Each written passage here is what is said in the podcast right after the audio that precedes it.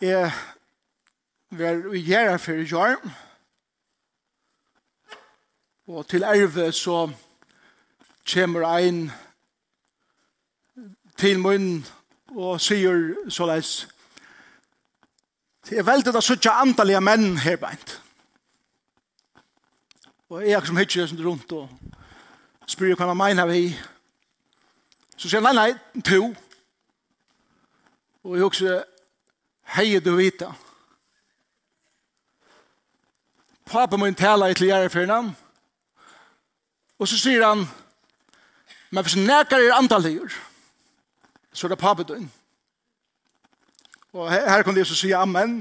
Men jeg visste samtidig som jeg sier amen, så, så, så vet jeg at pappa har sagt, hei du bæra vita. Og jeg held at det er en stor uh, trobleik. Faktisk at vi lytja og kategorisera kvann annan i andaligar balkar. Vi halte at uh, ta uh, høyrer ikkje heima i, uh, i Kristus og samkommet. Vi halte at høyrer ikkje heima uh, i løyve Kristus her, her tidsen. At uh, seda folk i kategorier uh, alt etter som vi observerer deg utanifra Og så gjør jeg en meting om eh, hver jeg hittel så hese følelsene skulle være sett og immun til eh, hvordan de så utenfra være observeret i. Tøy at, eh, som en skåte har som en gang sagt, at de eneste følelsene som ikke alltid har noen trobelager i løven er de som ikke kjenner noen særlig vel. Og de som kommer en person i ordinær, og få innlitt inn i hvordan løyve 18-4 kulissen er menga ner, og eisen få innlitt inn i hvordan tankene og menga ner. Uh, heva helt anna æra mynd. Og det var tog jeg, jeg som hukte rundt om det, og jeg var så hva måtte mene vi. Jeg halte at, at uh, ein av skreive maten om vi først, halte jeg at, at tolka Bibelen på, er at samanbæra. Hesen er og andalier, hesen er andalier. Uh, tog at som jeg er kommet å kjenne mennesker i kjøkkenen mange år nå, så, så halte jeg ofte at uh, vi var iverraskei. Og veldig ofte er et eller annet 18-4 eh, det som vet at lander strøyast vi i løyven. Det er meira hvordan vi behandla det og eisne hvordan vi er, hvordan åpen vi er om det som vi strøyast vi i løyvnen. Jeg skal lese en tekst for dere som, som ikke ofte vil lysen. Man hører ikke ofta taler ut fra hessen teksten, men det er fra Ære Samuels bok, kapittel 6. Kontekstet er ta i Ørsken, uh, Så ørsken var jo det mest heilige objektet som Israels folk høyde om. Ørsken som var smøya til at være sett inn i det aller heiligeste i tabernaklen. Og, og i ørsken var en krukka av manna, for jeg minna, og Israels folk av hvordan god lette det i 40 år til nøye mørsene. Her var steintalvenar, vi tar med tutsi bovnum, lagt der i, og stavur Arons, var eisen lagtur og i her. Og enn og i det er sattmalørsken eh, til mest heilige objektet til Gjøtenen. Indiana Jones fann han ene fyrir, men det var ikke noe hente vi en sujane. Som jeg halte at hun er stadigvæk angstan her under tempel eh, fjallen i Jerusalem. Det er videre vidt så ikke ordentlig, vidt som ikke slipper ordentlig fram et her. Men det er konteksten. Hon har vært rand fra Filistaren, og hon har vært vekk igjen av tog, og nå endelig kommer dæveren hver David nå, at du kan føre til mest heilige, og når vi gått inn i Jerusalem, så at hun kommer nå at du til sitt rette sted, til konteksten. Så la meg lese fra vers eh, 13, og i er samvansbok kapitel 6. Ta et heir og i Boro Ørskarrans, hadde gynnt 60 offra i han tarv og gøynga golv. Og David dansa i Det passar. Han dansa i. Jeg rønte å observere her i morgen hvordan bibelsk vi var, men vi var fullkomlig av bibelsk i morgen. Amen. David dansa i fyrir Asjan Harrans og så legger han et sett Allt det han var mentor. Så, så han, han väljer att han säger. Han väljer uttryckte och i likhamnen om vad det var som var i hjärstanen. Och han var i lovkyrstlig av lyne. Det var bonden till levitten. tempeltänaren. Så läs flotto David og alt ursøst og alt ursøst Ørskarhans nian vi gleder åpen og hodden blåser. Og ta og i ørsk herrens var kommet inn i Davids sted, hukte Mikael, døtter Saul, ut om vindeet.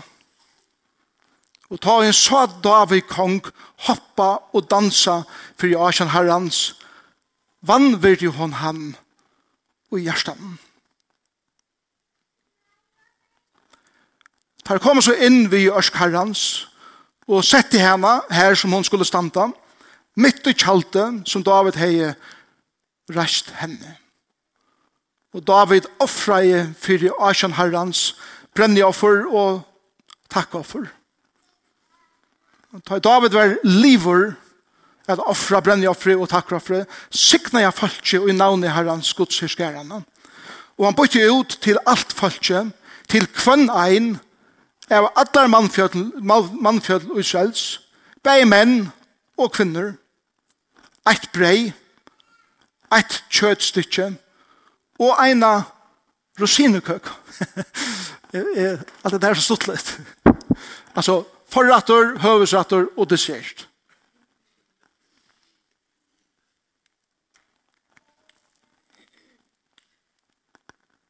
Så får alt folk til heimater hver til syne. Men da David kom heimater, a signa hos sutt. Kom Mikael, døtter Saul, ut imot i hånden og sier, det er ikke eiti å som konger Israels, er arter i det. Han som i det hever gynnsi nætjen, så arbeidskonner tænare han sier, heva se, en så skamles folk pleier gjerra. David sverre i Mikael, for jeg er sånn herrens har vi som, som utvalgte meg fram om feir og fram om, ut, fram om alt hus hans herre, og sette meg til høytinga i vi følge herrens, i vi Israel, for jeg er sånn herrens har vi dansa. Jeg skal gjøre meg minne enn så, og være lydel i min nekne egen.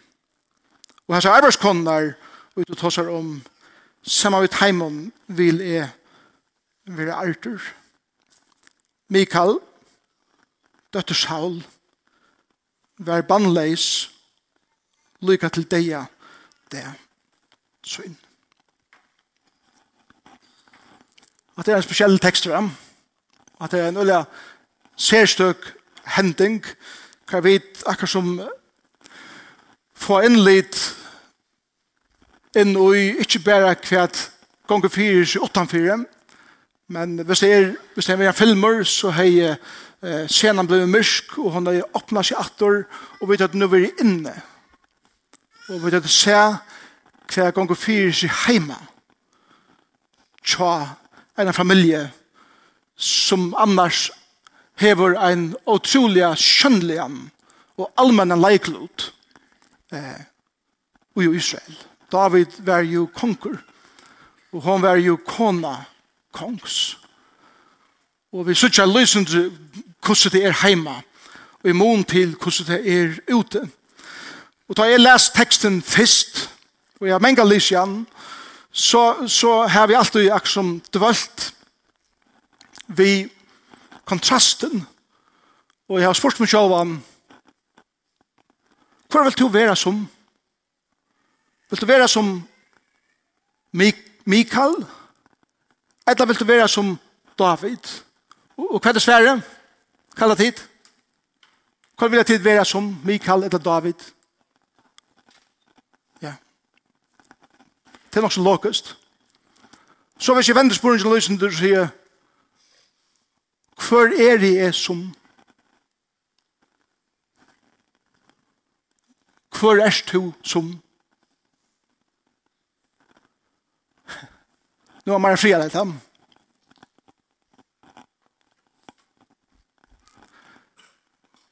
Og i mån til andalighet, så er hatt trobeleik. Og, og trobeleikjen er nemlig at han er at vi setter folk i andalighet alt etter antil eller. Antil er du etter supermenneska som alt ser ut over leik, eller er du ein som er rattelig, lengt ut til eller rattliga kritiskur og skeptiskur og så videre. Men, men som jeg har hukket av disse teksten så da jeg spør meg sånn at han spør ikke hvor er du? Så må jeg fyre være fullkomlig ærlig. Og det vil være. Så er jeg bæg. Jeg oppfører meg først som David særlig han ta et er allment, og tid er djupt imponeret av meg hvordan jeg gjør forskjellige ting. Det var ikke som det men si bare så. Men jeg er i eisene som Mikael. Jeg kan være djupt skeptisker. Jeg kan være djupt vanvirslig Jeg kan være djupt kritisk som ikke er konstruktivt, men bare tog at jeg lærte mine sår i løvene ved at her som teker reie i hvor hvordan jeg er, så nå skal føle det. Og en kvar som sier tog ut til å være jeg synes det bedre fire enn det kommer under min skarpa kritikk. Vi gikk først. Er det tid her? Jeg halte det hvis det er pura ærlig om tekker alle så er svære. Ja.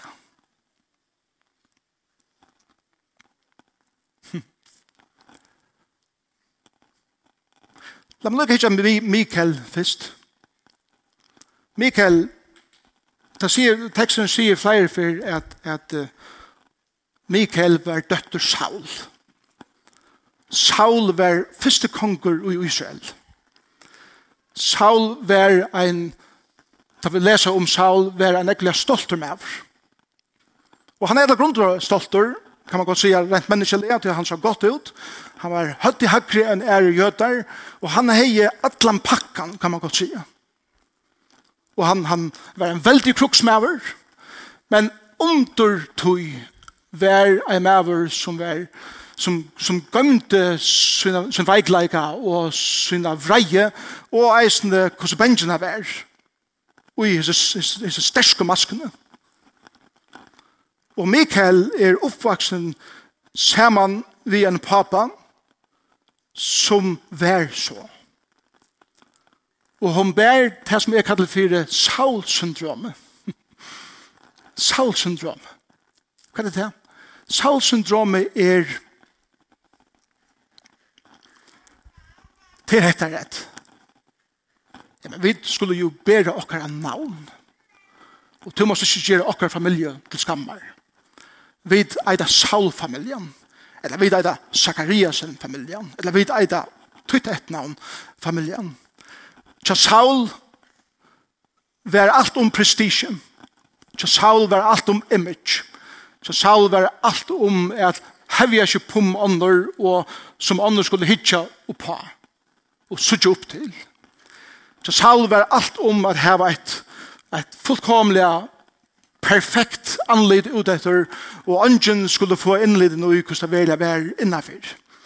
Så Saul var det om at heva konga kapan aser, og bera prestisjen og aser, som sette ein myndelega iver ånder som ungen annar klarer å livet opp til, og tog Jack er alltid vi høkene er synder og man fyrer ødlander som er møtt. Det var arveren som Mikael eh, var oppvaksen ui. Og trygg mer at ein og hver som er oppvaksen på tannmaten være det innenfor samkommunar eller være det innenfor æresanar hver det er det som er eikjent av en familie. Det er ikke at man bryter ur tog at man får arven vi er. Det er utrolig lett å være stolter om hva man kommer fra. Og det skal man vel korsbere, men ikke på den måten at man hever ikke på andre. Det var en trobleik ikke Mikael. Men det var ikke bare det. Hon heier djup svar i løyvenen vekna henne lakne. Og henne lakne vært han at hon bleiv, vi skal anså etter hva vi året bruker her, Men kanskje følte han seg som et feresteip. Som ble vekket fra mann til mann. Men ikke bare til. Men til at hun visste innan sinne at jeg er bare steip så har jeg givet langt grann at det fyrer at jeg var gjørst akkurat godt for pappa min. Det var Mikael. Det var hennara lakna. Saul, som ikke tørte, nå vel å berge sjolver, selv om han var veldig maveren. Han sier at han som fører krutsk og klarer at drepa hundra forlisterer skal få løn. Han lønnen er min døtter, Mikael. Selv om han fra mennene bare det er få kongadøttene. David, han dreper ikke bare hundra forlisterer, han dreper 200 forlisterer. og han fær sitt steip. Trobladsen er han at forholdet mellom Saul og David var slukt at Saul bæg heta jo elskar i David. Og David enda vi har flyttet under Saul flere år i øyemørsene. Men Mikael er ikke vi. Til tøyene møter Mikael en nøyre mann giftes honom. Da David kommer atter og fer reie i Israel iver Saul, og Saul dør, fettel nire så dekna spør, krever David Mikael atter. Så hun var rand, først var hun bare steip som ei maver fikk, så var hun tidsin fra til mannen som hun lærte at elska ham, attor til en mann som kanskje omgade elska henne, velja men skulle leva här. Hvor var ikke vi, David? Hvor var ikke ute her sammen vi gjennom? Hvor gjekken ikke syne av satt mal østene ta hjemme borgen i Jerusalem? Så det til øyne nevnt jeg døma Mikael, og, og, og mange mener jeg av lysene teksten, så har vi haft øyne latt vi at døma disse kvinnerne. Men, men sannleggen er han at er en kvinna som er sår. Og da vi leser denne teksten, så er det så real latte at bare at gjøre kontrasten, og ikke velja se det sin ui hva velja gong og fyrir sier. Hine veien vil si at ta åttjen og avbyrdene er så sjálvare, og hukkboren som hun hei. Og en av hukkboren uh, tja er noen kritiske personer, en skeptisk person, er mengan at suttja meir enn det verlig er. Altså suttja negativer enn det er. David dansa i fyrir god i alt han var mentor, og han var i lunkysle. Han var i klævene som prestene kan gå i, eller levittaner, tænarne. Mikael sier, du har dansa nætjen. Gjør det, det gjør det ikke. Men det som hun sa, var negativere enn verleggen var. Og til et som jeg kjenner en person som er djupt sartor og tog djupt skeptisker, at brillene som er får på er mengan negv, negv, verre enn verleggen verlige er. Og hon har gitt han trobelegan, som er eisen mengan heve. Et annet er a miss unna øren. Hon stender at han fyrir vinda og hygger ut og hon missunner gleden som er her ute tog at hon klarar ikke til at som er her og bedre og er gledere enn er så miserable som er at han fyrir gardiner her. Og et annet og, og teksten sier det og hon vannvirte David og hjertet sønn altså er det kraft og til brei står at vannvira det er byrjanen til at innskja ein deian. Faktisk. Vanvering er, er nega grusomt. Jesus uh, brukar uh, eisne, uh, ikkje brukar året raka, eller kalla ein idiot, eller vannvira ein, til at vi tog drepte av menneska, sier Jesus. Her byrja det. Og hon struttest vis tingene i bant, og hon var, hon var skeptisk, hon stod atter for gardiner, og hukte ut at hun som gikk fyrir seg her, men hun ikke parstet det sjolv. Og da sender at Mikael var bannleis lykket til deg av det søgn. Og det som jeg kjente henne, og sørgen ikke kunne få bøten, var det som eisen kom at jeg kjenne henne er dreimer, henne er visjoner for livet, som unga det blei til, som det kunne blei tror jeg at hun var her som hun var. David, han, og i hessen teksten, ser ut til å være en velleiende maver. Et som, som jeg leier mest til beina ved er til at David er konger. Han er kongeren. Konger hever konga KBA. Han er kron i høttene. Men legg mest til hever at David er for en ursunnen ursunnen kape. Han tar kronen av. Og han identifiserer seg vid tænerne. Han letter seg sjálf, han ikke pum nekran, han, han kommer nyer av støye her som alt hini er, og sammen med hinum er tjena herren. Det er en positiv ting. Det er fantastisk. Og han prysar gode vi tog matanen som han nå egnet for uttrykk på, og det var ikke en dans. Men han er tonleikare, jeg vet ikke hva det her samsverat, og jeg bruke det argumentet at en grunn for at jeg ikke tog med å do i å danse, det er det muskare, så jeg muskare han så øyla rytmisker, og danser, ikke alltid rytmere, men David var en danser, så jeg vet ikke det, og, og en muskare, så jeg vet ikke det, hvordan jeg skal bjerke meg på ur hesten her. men han gjør det her som han gjør det, og uttrykte det som han gjør det til fullnær. Og han leier ikke ui hva andre huksa av, eller hva, hva andre måtte halta om matan til hånden og uttrykte seg på. Det er veldig fantastisk å oppleve at det er sånn det her. Jeg vet, gå oss og hukse om hva dere er granne, altså, syge personer hukser, og maten er utrykker mye på. Ja. Men det er ikke bare til.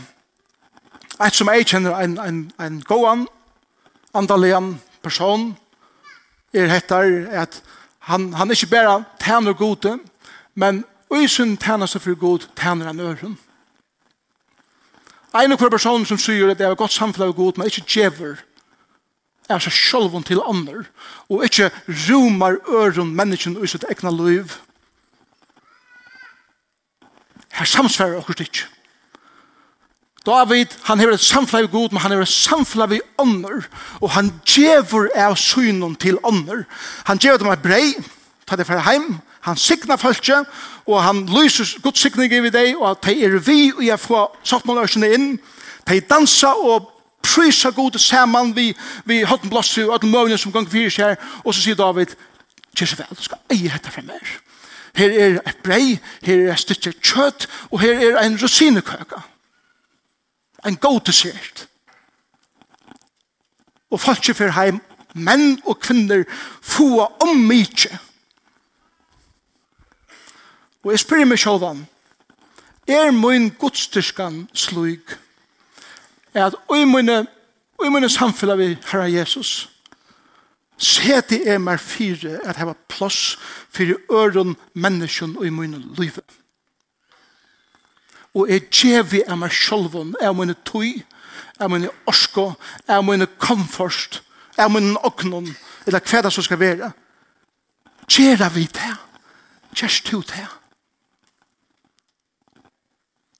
Hvis du hever et djupt samfunn av god, så gjør du øren brei, så gjør du øren kjøtt, så gjør du øren rosinekøkker. Ikke bøkstavlig, men du har personer som alltid hever plass for øren vi tøyt bor. Og du er ikke bare tøyne nærmest du, men det er alltid plass for øren vi tøyt bor. Heima kjøtt her og kommer.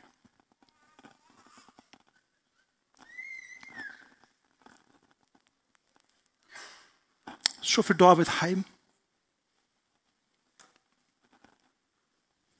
Og han møter konen sin.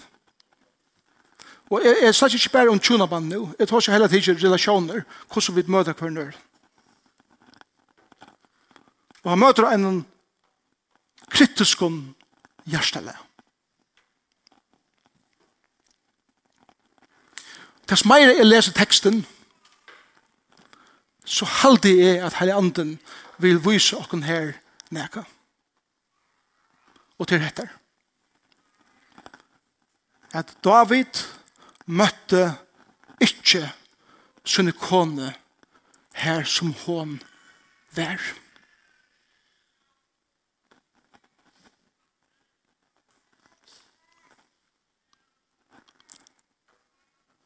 tørveren som konan så heie var ikkje møtter og i hans her åren motvis henne til han for å peike henne og at ja, men jeg tar jeg som vann av papatøynen til jeg som ble konkur til jeg som kjølsøkne er pura møvelig til en mann som just hever tant herran og allment og hever vust det er fantastisk som man kan gjøre for herren å komme hjem eller inn i relasjoner vi ånder og ikke klare at møte tog som er nå skal møte og det er særlig at jeg som vi er i nære relasjoner vi som merker til.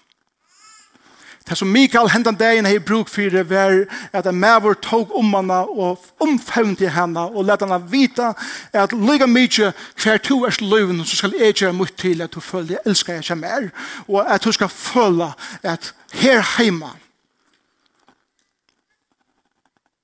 kan du eisen sida til bors og føle deg velkomna her men det gjør du ikke David klarar jeg ikke at metta tar tarvener. Tja en person som var honom så nær.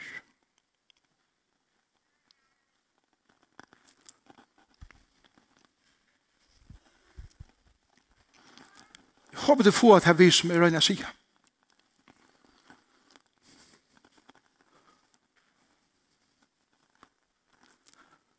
Og til dette er at vi, vi må kjevast vi at seta kvann annan i kategorier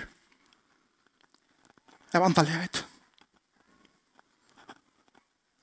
Det er sannleikene til han at alt rundt om okken er en pastor av okken. Og hvordan vi behandler alt rundt om okken for alt du er suttet og i maten vi det er jo på. Rent individuelt vi kvann einstaka person. Så jeg kan være fullkomlig andelig tikkere egen og det som stand i beint, men jeg kan komme heim og det og slett ikke møte tørvenen så tar man som standa mer nærmest. Så hva er det andre Hetter? Eller hit. Sannleggen tann er at og la meg enda vi er sånn noen ting som skal enda vi.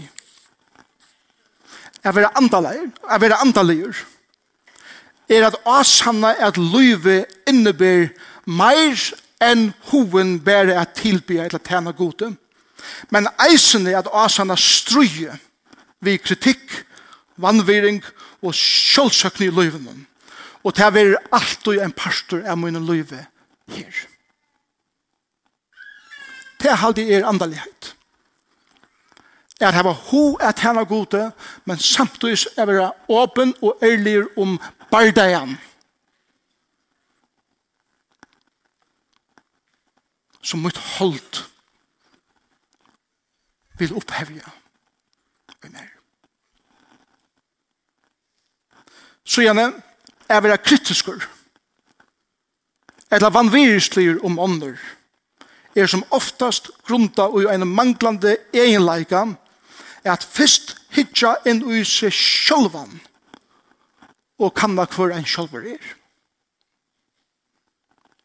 Vi gjør når hun til øyla nevnt at standa ved sylen og hitja er at öllens gonger fyrir seg og öllens mennesker som er aktiv og bare standa atan fyrir gardiner og vannvira er det være skeptisk om det som er og bare peika ut etter og i stedet fyrir at hitja inn etter og spyrja meg sjølvan Hvor stande er her.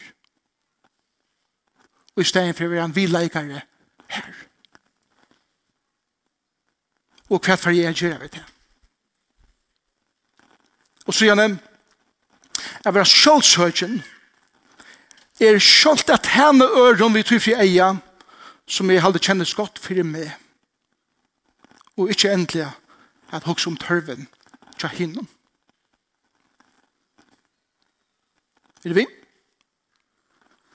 Jeg kan godt tjene dere og gjøre dere noe mulig. Men motivet er så får jeg få meg viring, eller så får jeg føle meg bedre. Så får jeg få meg klapp av ryggen, til jeg ikke vet noe av det jeg gjør det.